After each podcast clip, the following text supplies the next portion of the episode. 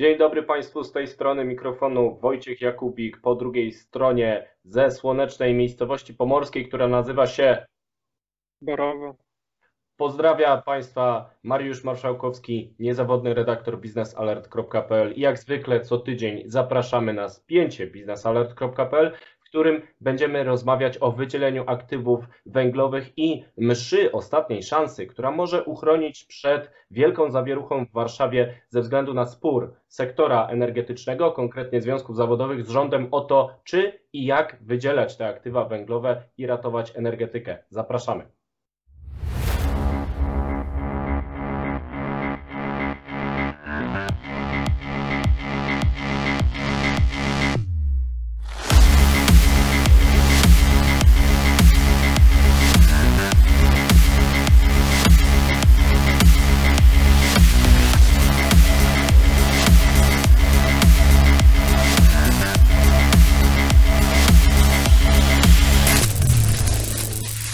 Związkowcy z kilku największych polskich grup energetycznych, m.in. Tauronu, PGE i Enei, e, ogłosili powstanie Międzyzakładowego Komitetu Protestacyjno-Strajkowego, którego zadaniem jest negocjacja e, między e, związkami zawodowymi a rządem kwestii związanych z wydzieleniem aktywów węglowych i utrzymaniem miejsc pracy w dotychczasowych zakładach produkcji generacji energii elektrycznej. E, podaliśmy tą informację wczoraj, 11 maja, jako jedni z pierwszych. E, Wojtku, powiedz, co oznacza e, ta decyzja o powołaniu tego międzyzakładowego komitetu i jaki będzie temat rozmów pomiędzy tym komitetem a rządem?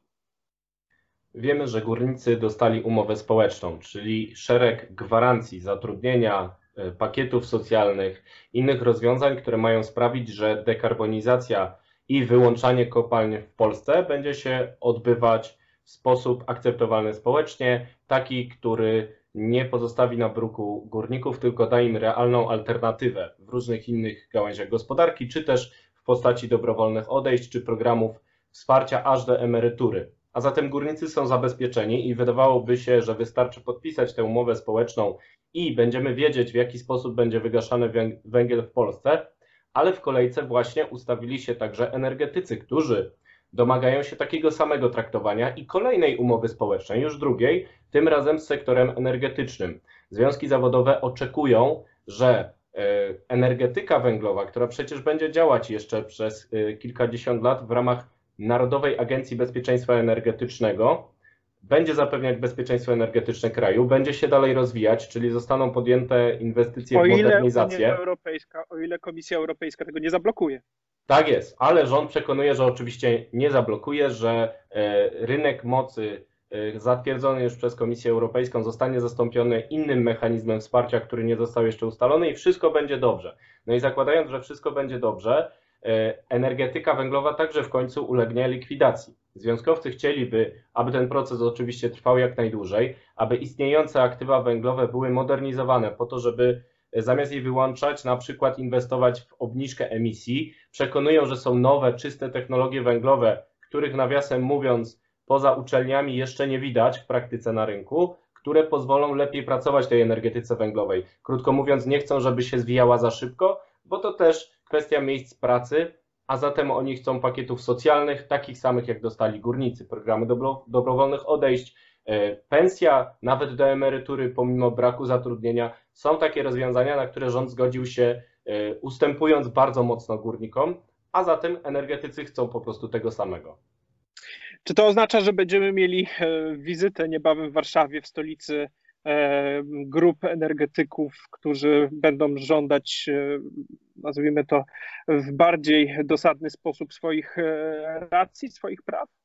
Na razie nikt oficjalnie nie mówi o paleniu opon, ale o rozwiązaniu pośrednim. To znaczy, energetycy poinformowali biznesalert.pl, że zamierzają opłacić mszę świętą w intencji energetyki. Nie wiadomo w którym kościele, nie wiadomo jeszcze kiedy. Będzie to oczywiście Kościół Warszawski i tam w atmosferze pokoju i przyjaźni spotkać się z rządem, żeby po mszy porozmawiać o tym, co dalej. A zatem szykuje się msza ostatniej szansy. Jeśli rząd się tam nie pojawi, albo rozmowy gdzieś w zakrystii, czy też przed kościołem nie przyniosą efektu, no to prawdopodobnie zapłoną te opony w Warszawie, ale oficjalnie jeszcze nie słyszymy o żadnym ogólnopolskim strajku, czy też przyjeździe do Warszawy, tym razem energetyków. No właśnie, i pytanie teraz jest, jeżeli energetycy z tych, nazwijmy to, e, emisyjnych kopalni, czyli węglowych, węgla kamiennego czy brunatnego, e, już teraz sygnalizują potrzebę rozmów z rządem na temat umowy społecznej, czy w przyszłości na przykład takich, e, takich umów społecznych nie będą potrzebowali na przykład e, sektor gazowy, sektor e, na przykład hutniczy, no bo przecież wiadomym jest, że wszystkie te, te branże, które są emitentami, dużymi emitentami dwutlenku węgla, będą na cenzurowanym prędzej czy później w Unii Europejskiej. No i właśnie, czy teraz każda grupa zawodowa, która będzie e, dotykana różnymi e, unijnymi e, ograniczeniami, na przykład teraz mówimy w przyszłości o, o, o sektorze transportu, o sektorze rolnictwa, no bo przecież rolnictwo to też jest ten segment gospodarki, ten sektor, który e, ma być w przyszłości włączony do europejskiego systemu handlu emisjami. No właśnie, czy teraz każdy, e, każda branża będzie potrzebowała oddzielnej umowy społecznej, czy jak na to patrzysz z Twojej perspektywy? Idziemy mocno w gaz. Polska będzie prowadzić na gazie transformację energetyczną, więc może się okazać, że te wszystkie nowe bloki gazowe, które wydają się świetnym narzędziem transformacji energetycznej, w obliczu przykręcania śruby polityki klimatycznej tak samo będą potrzebować wsparcia jak bloki węglowe dzisiaj. I jak sobie spojrzymy na ceny uprawnień do emisji CO2, które już przekraczają 50 euro za tonę, pomimo różnych głosów o spekulacji, o tym, że to jest e, manipulacja rynkiem, e, to jednak jest to element ustalonej polityki klimatycznej, pod którą Polska też się podpisała poprzez mechanizm rezerwy stabilizacyjnej MSR, Market Stability Reserve. To jest rozwiązanie, które zdejmuje nadwyżkę uprawnień z rynku po to, żeby zwiększać presję na dekarbonizację właśnie poprzez wyższą cenę. No i ten MSR jest po prostu stosowany. Polska się na niego zgodziła. Nawiasem mówiąc, e, e, świętej pamięci minister środowiska jeszcze Jan Szyszko nie wziął udziału w kluczowym głosowaniu w tej sprawie i między innymi dlatego my się zgodziliśmy na taki kształt e, polityki klimatycznej. No więc kiedy ta presja na dekarbonizację będzie coraz wyższa, to także będzie oddziaływać na gaz i gazownicy też mogą kiedyś zapukać e, do drzwi e, naszego e, rządu i poprosić o taką samą umowę społeczną na przykład w latach 30., jeśli my pójdziemy za mocno w gaz, a chcemy iść bardzo mocno w gaz i moim zdaniem to jest ryzykowne podejście, no ale też nie mamy do końca wyjścia, bo atom nam nie idzie. Oczywiście teraz już wszystko ma znowu być dobrze, ale już jest dosyć późno. To znaczy lata 20 będą należały do gazu, choć mogły należeć do atomu. No i Taki świt żywych trupów czeka naszą energetykę. Pisałem o tym e, na łamach e, Business Alert i wszyscy będą zaraz potrzebować umowy społecznej. Jest jedno szybkie rozwiązanie, z którego jeszcze nie skorzystaliśmy, czyli właśnie dyskusja o reformie systemu handlu emisjami. E, spółki elektroenergetyczne, które wymieniłeś w kontekście związków zawodowych, prowadzą szeroko zakrojoną kampanię w Brukseli na rzecz uświadamiania, że właśnie ok, przyspieszamy politykę klimatyczną, natomiast potrzebujemy mechanizmów wsparcia które nam złagodzą ten proces, na przykład fundusz modernizacyjny do powiększenia, różne rozwiązania systemowe, które dadzą wsparcie słabszym, czytaj Polakom, bo Polacy są bardzo zależni od paliw kopalnych. Ale ta dyskusja jest już spóźniona. Powinniśmy porozmawiać o tym, co zrobić z systemem handlu emisjami, żeby to zwijanie, dekarbonizacja energetyki konwencjonalnej e, w Polsce nie doprowadziło do tego, że będziemy mieli najwyższe ceny energii, w Europie, jeśli chodzi o gospodarstwa domowe, w zeszłym roku mieliśmy najwyższy 11% wzrost e, tych cen w całej Europie. No i jeśli się nie postaramy szybko czegoś zrobić, no to e, ten trend będzie kontynuowany i ten piękny domek, w którym nagrywasz dzisiaj ze mną spięcie, na pewno będzie kosztował więcej. Każda aktywność w tym domku będzie droższa, bo będą wysokie ceny energii.